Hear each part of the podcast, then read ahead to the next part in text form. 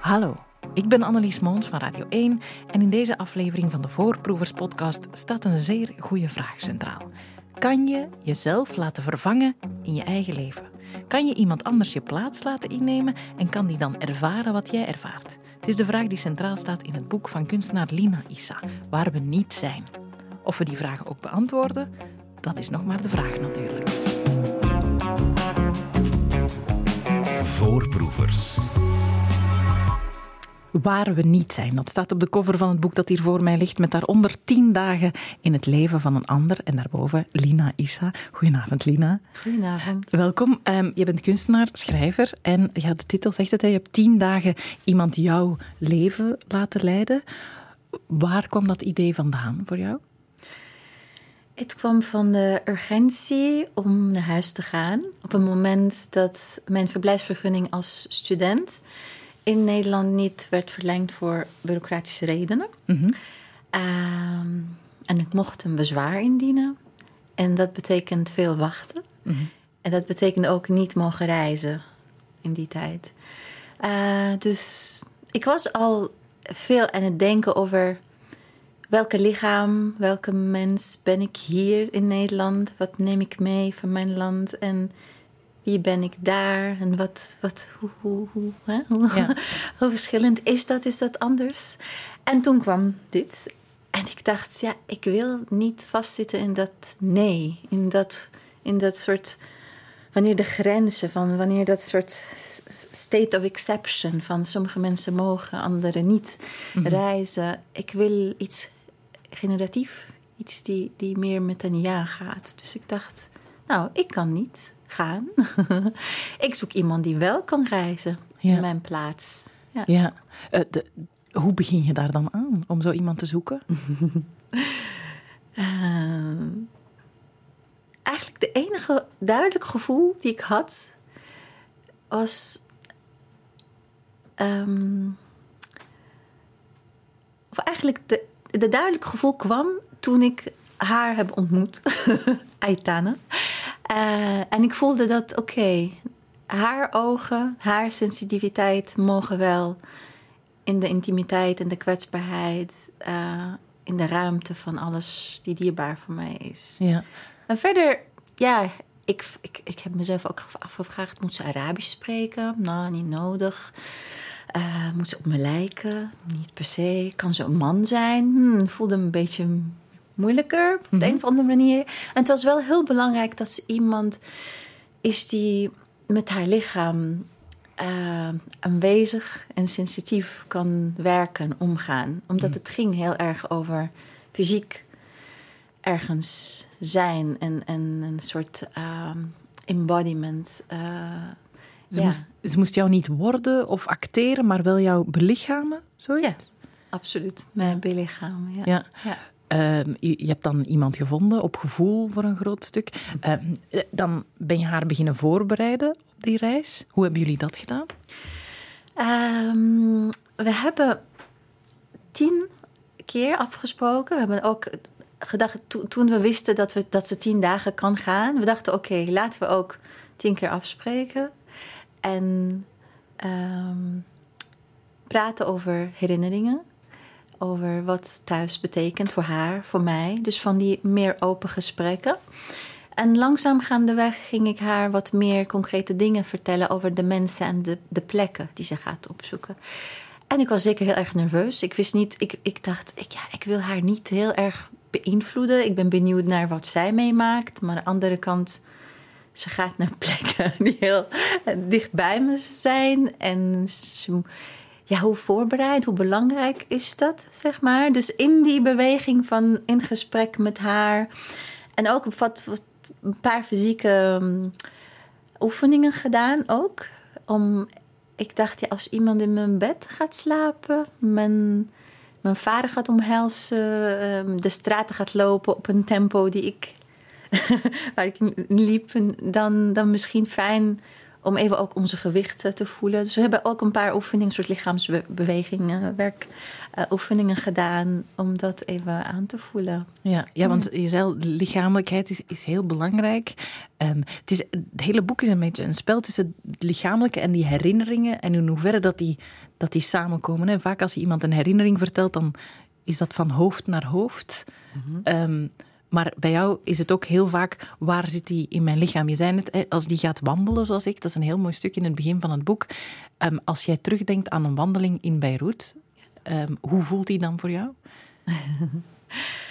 nee, voor mij wat was interessant is dat ik, ik, ik kon teruggaan naar plekken in Beirut en naar hoe mijn lichaam op een straat in Beirut uh, liep terwijl ik in Amsterdam iets tegenkwam. Dus het is ook heel interessant hoe herinneringen eigenlijk worden ook getriggerd door andere plekken of door uh, soort um, geuren of kleuren of geluiden die we ergens anders op een andere plek tegenkomen. Mhm. Dus in die zin, ja, ik, ik, ik liep in Amsterdam of ik liep eigenlijk meer in een, in een dansstudio en ineens was ik in Hamra-straat in Beirut, waar, waar ik moest opletten naar de druppels water van de airconditionering, van de scooters die snel rijden. Mijn heupen moet elke keer rechts of links bewegen, omdat een emmer water wordt gegooid om schoon te maken. Flirtende ogen. Dus ja, en dat zit allemaal in, in, in, in mijn lijf. En ik loop in Amsterdam of ook op andere steden vragen ook een andere soort herinnering van mijn lichaam. Dus dan loop ik weer met die beweging, met dat wat in mijn lijf huist. Mhm. Ja, wordt eh. gevormd door die plekken, door die, ja. Ja, mm. ja je, niet alleen je, je hoofd, maar ook je lichaam wordt gevormd door de plek uh, waar je opgroeit, waar je veel tijd spendeert. Ik denk dat botten, handen, tongen, uh, die dragen veel meer herinneringen. Uh, en als we gewoon uh, kunnen luisteren of bij, bij, bij die fysieke plekken in aandacht zijn, dan ja, kunnen we veel meer herinneringen of in aanraking komen met dat wat we hebben meegemaakt. En soms ook niet alleen wat wij hebben gemaakt, maar wat wij ook hebben geërfd, soort, hè? In, in, in een soort van fysieke herinnering. Ja, ja want je, je geeft uh, Aitana ook een, een, notitieboek mee dat je vult. Uh, enerzijds met, met woorden, uh, maar ook met, met net vragen of instructies voor haar om eens te voelen aan iets of om iets te ruiken. Is dat dan omdat je haar wil, wilde vragen om dezelfde dingen te ervaren? Um, ik weet niet als dat mogelijk zal zijn om hetzelfde dingen te ervaren. Dat, dat ook vertelt ze terug op een hele mooie wijze. Zegt ze van ja, je vroeg mij om bepaalde geuren te, te vinden. Maar een geur vindt jou. Je vindt niet zelf een geur. Je bent ergens en het komt. Mhm. en het is de plek waar afstand en nabijheid komt ergens. Um, maar het begon met een soort van een urgentie van dwang om die plekken die voelde door, door die beslissing of door die afstand. Of die. Ehm, ik voelde een risico dat ik ze mag kan verliezen. Of contact met die plekken of mensen waarin kan verliezen. Dus er was een soort van urgentie om ze vast te houden even. En in die notitieboek beweeg ik tussen die, die, die, die wens om ze om te bevestigen dat ze er zijn om een getuige te hebben, om ze ook te ehm, expanderen door de ervaring van iemand anders. En ergens ook om ze te mogen loslaten, doordat ze kunnen ook een andere leven leiden, door een andere lijf, een andere geschiedenis, een andere vertelling later. Zonder jou. Zonder mij. Ja. het is, ik voel het nu ook als ik erover aan het praten ben. Het is zo moeilijk, omdat het dingen zijn die heel moeilijk in woorden uh, te omschrijven zijn. Maar dan schrijf je er wel een boek ook nog over.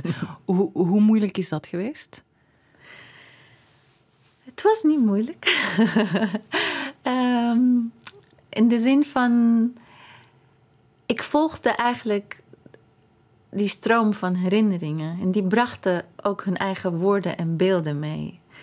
En het was voor mij zo'n mooi vertrouwde um, manier geworden om eigenlijk te gaan schrijven, om mijn ogen dicht te doen en iets te roepen. Bijvoorbeeld om te zeggen: uh, Het huis waar ik ben opgegroeid.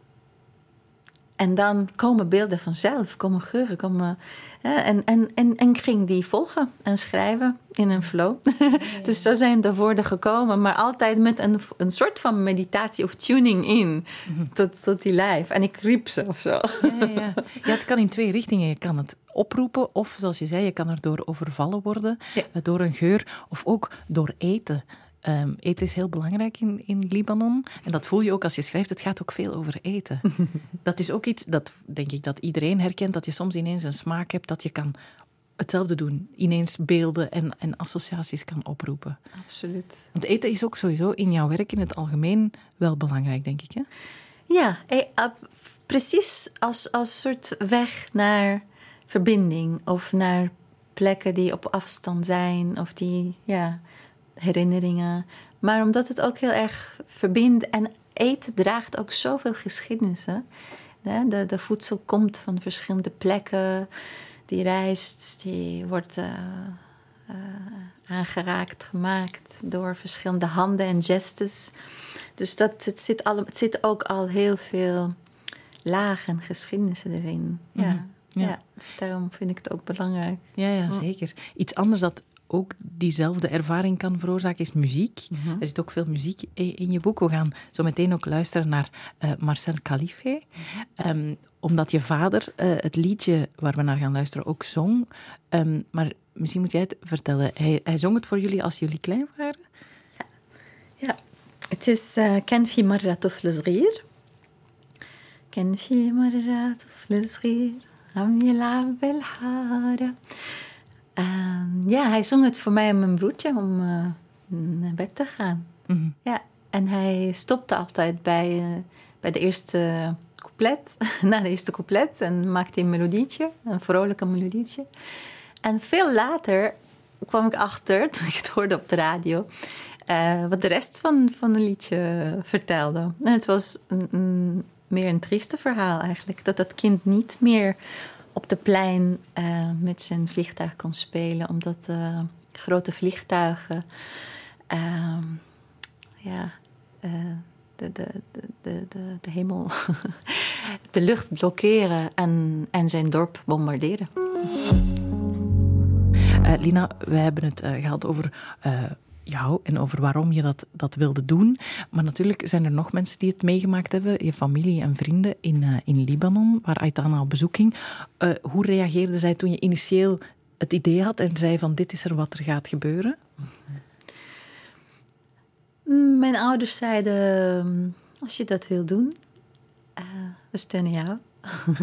Oké. ja. En mijn moeder zei, ja, alle je vrienden zijn welkom, ze mogen komen. Ik zei ja, maar ze is geen vriendin. Ik ken haar niet. we, we, zijn aan, samen aan het werken. Oké, we steunen je werk ook. We zien het wel. Ja. Dat was de eerste reactie. Dus ze stonden er wel echt voor open. Ja. En, en toen het dan gebeurde, toen Aitana daar was, hoe reageerde ze toen? Uh, verschillend ook. Mijn, mijn moeder was om, om door te blijven bij mijn moeder, die was eh, op zoek naar, naar een ingang van oké, hoe is dit kunst? dit voelt uh, meer als een psychologische, emotionele experiment. Ja, um, ja dus ze bleef in en uitstappen, denk ik, gewoon zoekend. En ergens ook met zo'n zo'n gevoel van, maar niemand kan je plaats innemen. Een soort van ook, denk ik, een moederlijke gevoel van, of angst van verlies. Mm -hmm. dat, dat, uh... En mijn vader dacht, oké, okay, ik mis jou. Dit is jouw voorstel. Ik neem het en ik ga iets mee doen. Dus ging ook zelf een beetje in de script andere dingen uh, voorstellen en in, initiëren. En dat mhm. was bijzonder. En uh, een vriend van mij, mijn beste vriend toen, uh, stelde voor om iets te doen die hij altijd graag wilde doen met mij. Een wandeling in de natuur, heel vroeg in de ochtend. Ja, wat gek is, omdat je, je, had, je zei een script, je had allemaal dingen voor haar gepland, voor hun gepland samen. Nu ga je naar daar en dan ga je opstaan, ga je dit doen. maar met Bilal was het eigenlijk geen herinnering of geen niets wat jij ooit al met hem had gedaan. Dat was een nieuwe ervaring. Precies. Dus ze hebben een herinnering gemaakt voor ons waar ik niet ja, aanwezig bij was. Ja. bij was. Ja. ja, dat was ook. Ja, een stand-in kan ook een verlang vervullen. Mhm. het, het, het wijst ook naar, naar de onmogelijkheid hè?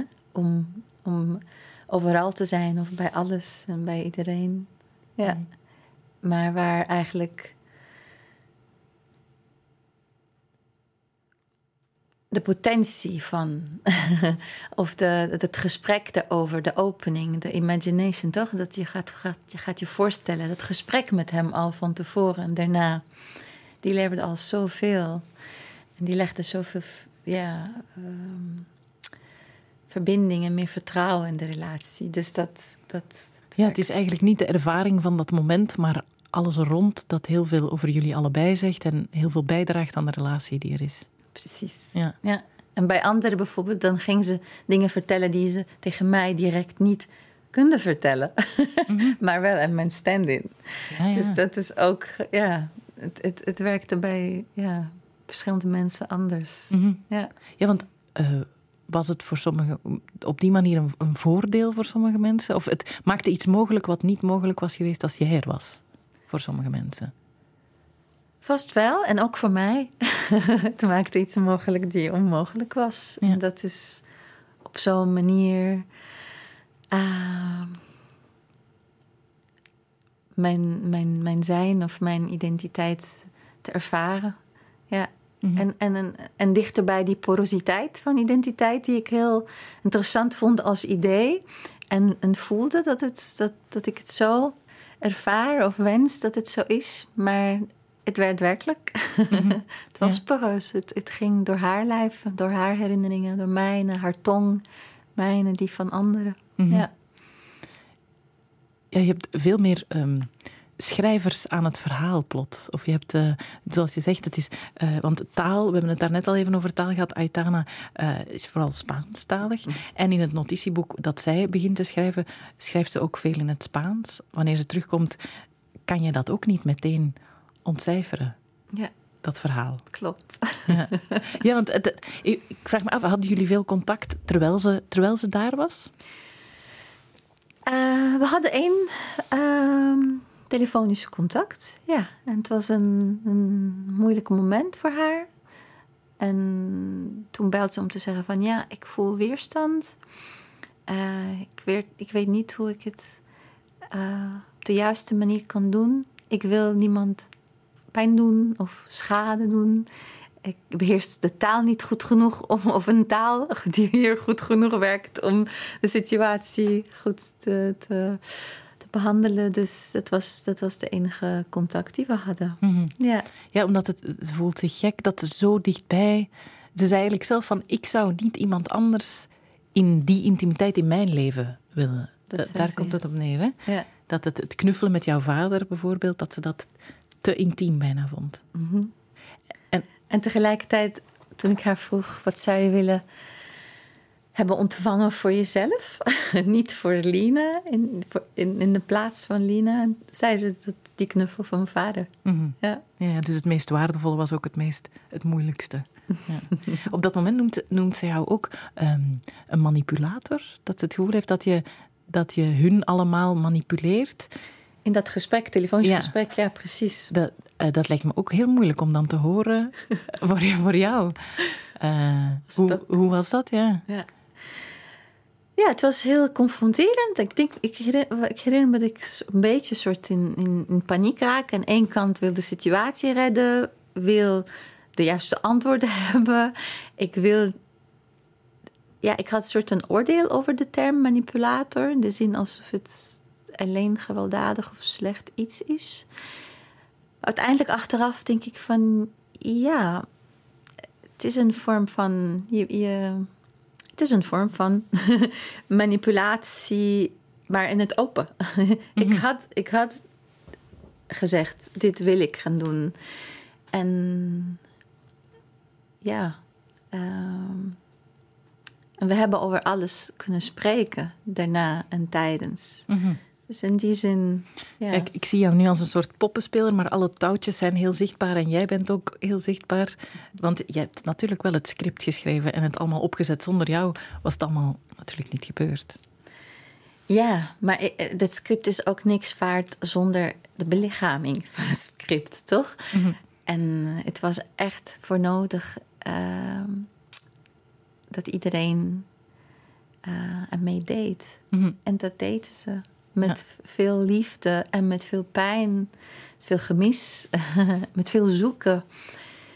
Maar dat wou ik ook. Ik wilde die ruimte van afstand. Ik wilde dat migratie, of de afstand die komt met migratie, dat gemis, dat verlies, een ruimte is om, om samen te blijven zoeken naar de betekenis van uh, afstand en nabijheid. Naar de betekenis van de relatie die we samen maken, continu. Het is niet een relatie die vastzit in een soort van ja, ouders en kind, vriend, uh, vriendin.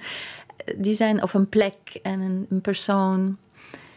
Het is continu een beweging en een verandering. En ik voelde vanuit die pijn ook en vanuit die angst van verlies, van laten we het gewoon uitpakken. Laten we meerdere manieren, vormen en lichamen, stemmen en geven om, uh, om dichtbij te blijven. En, in de pijn, ja, en ook die pijn te bevrienden, Mhm. die verlies ook te bevrienden.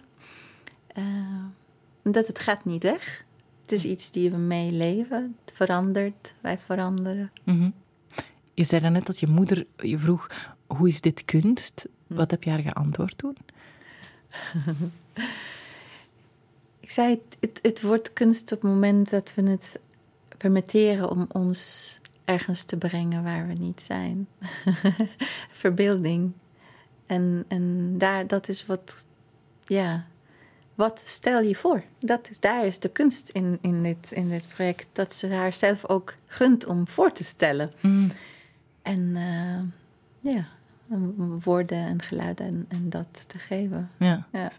Veel mensen stellen zich kunst voor als iets wat ergens in een atelier gemaakt wordt en dan tentoongesteld wordt. Maar bij jou is dat wel altijd iets sociaal en iets met meerdere mensen. Hè? Ja. Is, uh, is dat altijd zo geweest? Ja, ik, ik heb ook soms wat, wat korte filmpjes gemaakt. Maar ook altijd uh, op zoek naar ja, een vorm van samenwerking. Waar het voelbaar ook in een beeld of een beeld en geluid. Dat het een proces is. Dat het resoneert verder dan alleen maar, zeg maar een, een flat, een, een 2D-ervaring. Uh, ja, voor mij kunst ontstaat in, in dat moment van samen zijn en uitwisselen. Mm, ja. In de ontmoeting. In de ontmoeting, precies. Ja. ja. ja. En ook met jezelf. Dus het is, je kan het ook alleen hè? Ervaren of horen of bij zijn. Eén op één heb ik ook veel werk gedaan. Dus het is niet per se altijd in collectiviteit of een grote groep. Maar uh, mm. Nee, maar het is bijzonder omdat ook een boek vaak iets is wat heel alleen gemaakt wordt en waar je dan mee uh, naar buiten treedt. Wat dit ook wel is, denk ik. Um, of niet? Ja, dat mag jij beantwoorden. Ja, ik voel heel erg dat ik samen met, met, met haar notitieboek heb geschreven. Samen met haar gedachten ben geweest. Zoekend. Uh, ja, want ja. soms tijdens het lezen moest ik even denken, wie is er aan het woord? Ja, ja. het was ook een, een mooi, mooi uh, proces. Om dat ook voor mezelf te, bewegen, continu tussen haar en mij en de anderen. Ja, ook plaatsen. Plaatsen, plaatsen verplaatsen zich ook in het boek van hun verleden tot de heden, van Amsterdam naar, ja, naar, naar, naar uh, Beirut uh, of Tyros. Uh, die, ja, die zoeken. De kaart wordt vervaagd. Hè? Mhm. En zoals de lichaamsgrens of de tong, die Ja. met verschillende soort Ja, is de gevormd. tijd ook, want de, de ene de, plaats heeft dan alle lagen van alle generaties die ze gezien hebben. En die ze, eh, ja, het is een soort dans van plaats en tijd en herinnering Ja. en lichaam. Ja, ik voel dat ik heb ook meegeschreven met, met mijn vader, met mijn oma. Dus ik zocht naar haar stem. Hoe kan ik haar stem, zeg maar, behouden? Uh, ja.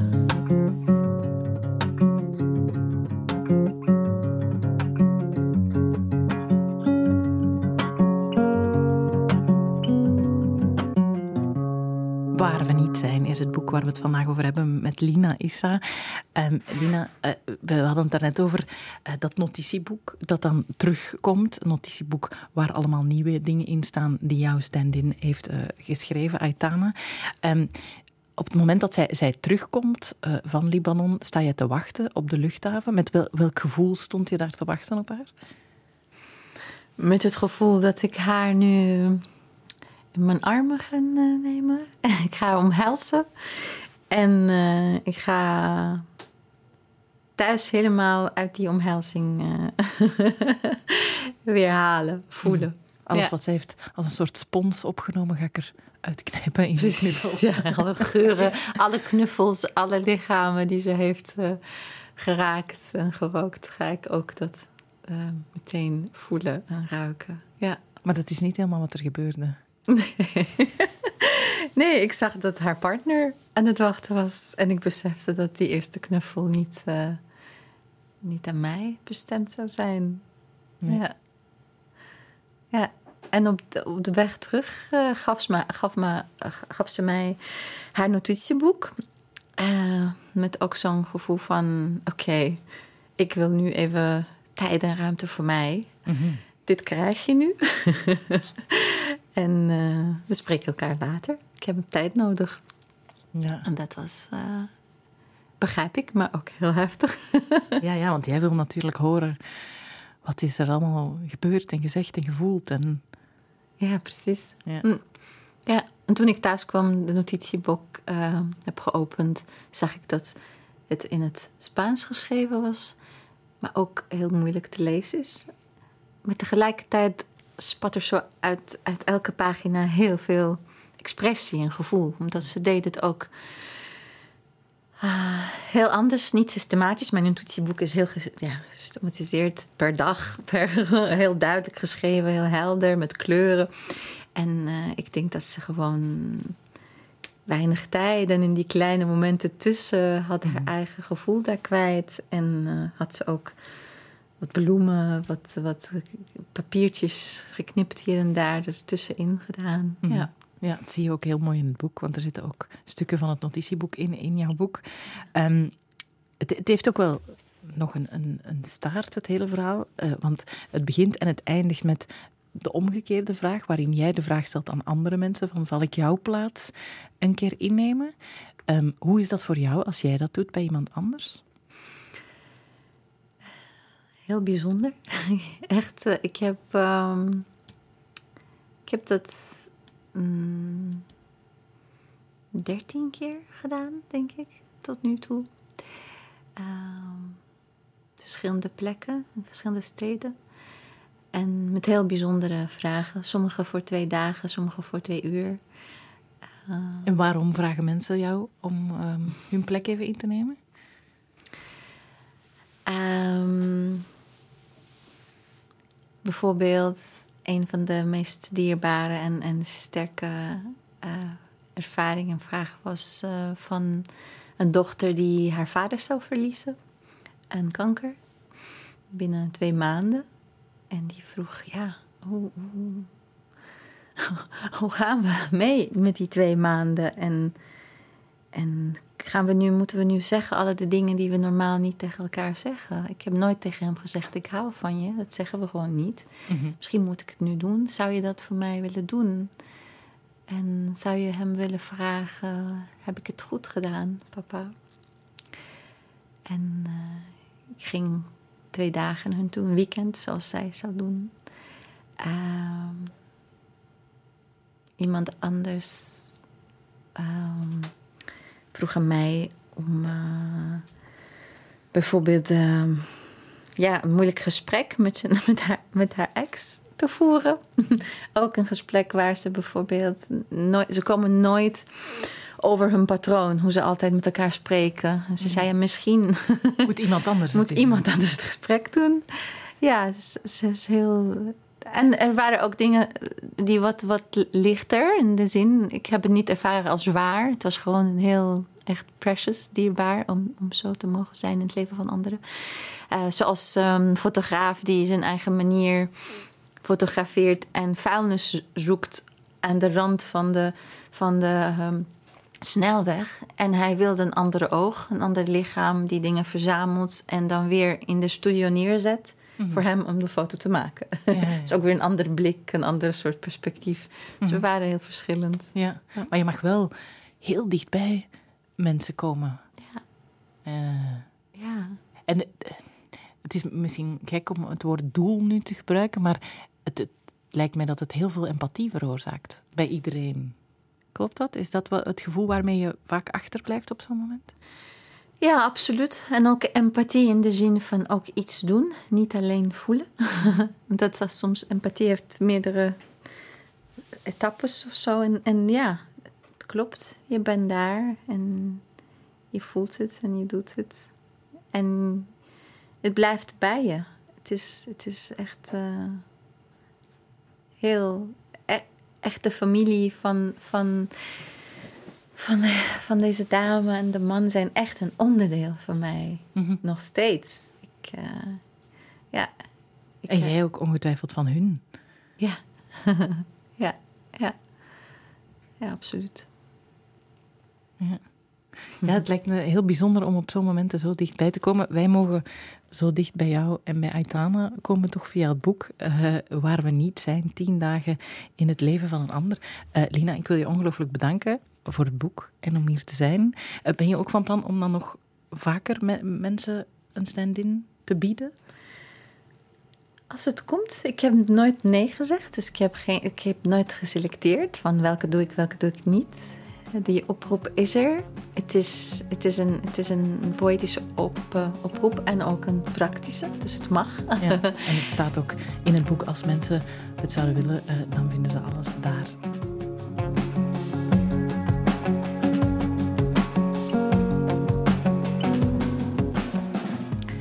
Je luisterde naar Voorproevers, een podcast van Radio 1 met elke dag een waar verhaal uit de mond van een interessante gast. Al onze afleveringen zijn te beluisteren via de app van VRT Max.